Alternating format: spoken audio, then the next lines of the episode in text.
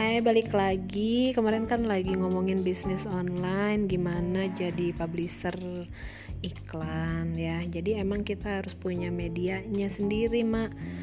Uh, kamu harus punya website atau blog yang emang uh, memberikan manfaat ke orang-orang, kontennya bagus, trafficnya tinggi, baru deh bisa dipasangin iklan. Jadi iklannya nanti bisa ngelamar ke Google AdSense. Cuman emang iya sih kalau pengen dapet dolarnya banyak uh, traffic dari website kita tuh harus tinggi. Jadi kasihlah konten-konten yang emang bermanfaat dan dicari orang. Cuman kan kita suka bingung ya emang orang uh, butuh konten apa sih apa sih yang bermanfaat.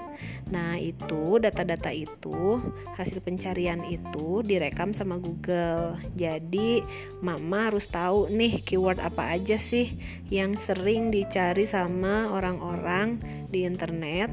Nah, mungkin itulah yang uh, bisa kita bahas. Jadi, kalau bikin website atau blog, uh, kontennya berdasarkan permintaan orang-orang. Ya kita harus research keyword nah research keyword sendiri emang ada ilmunya mak.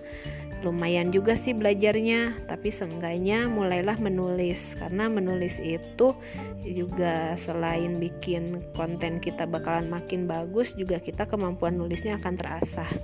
Jadi begitu ya. Ya cara pertama emang untuk e, dapetin duit dari internet ya adalah jadi publisher iklan. Seperti itu. Nanti dilanjut lagi. Bye bye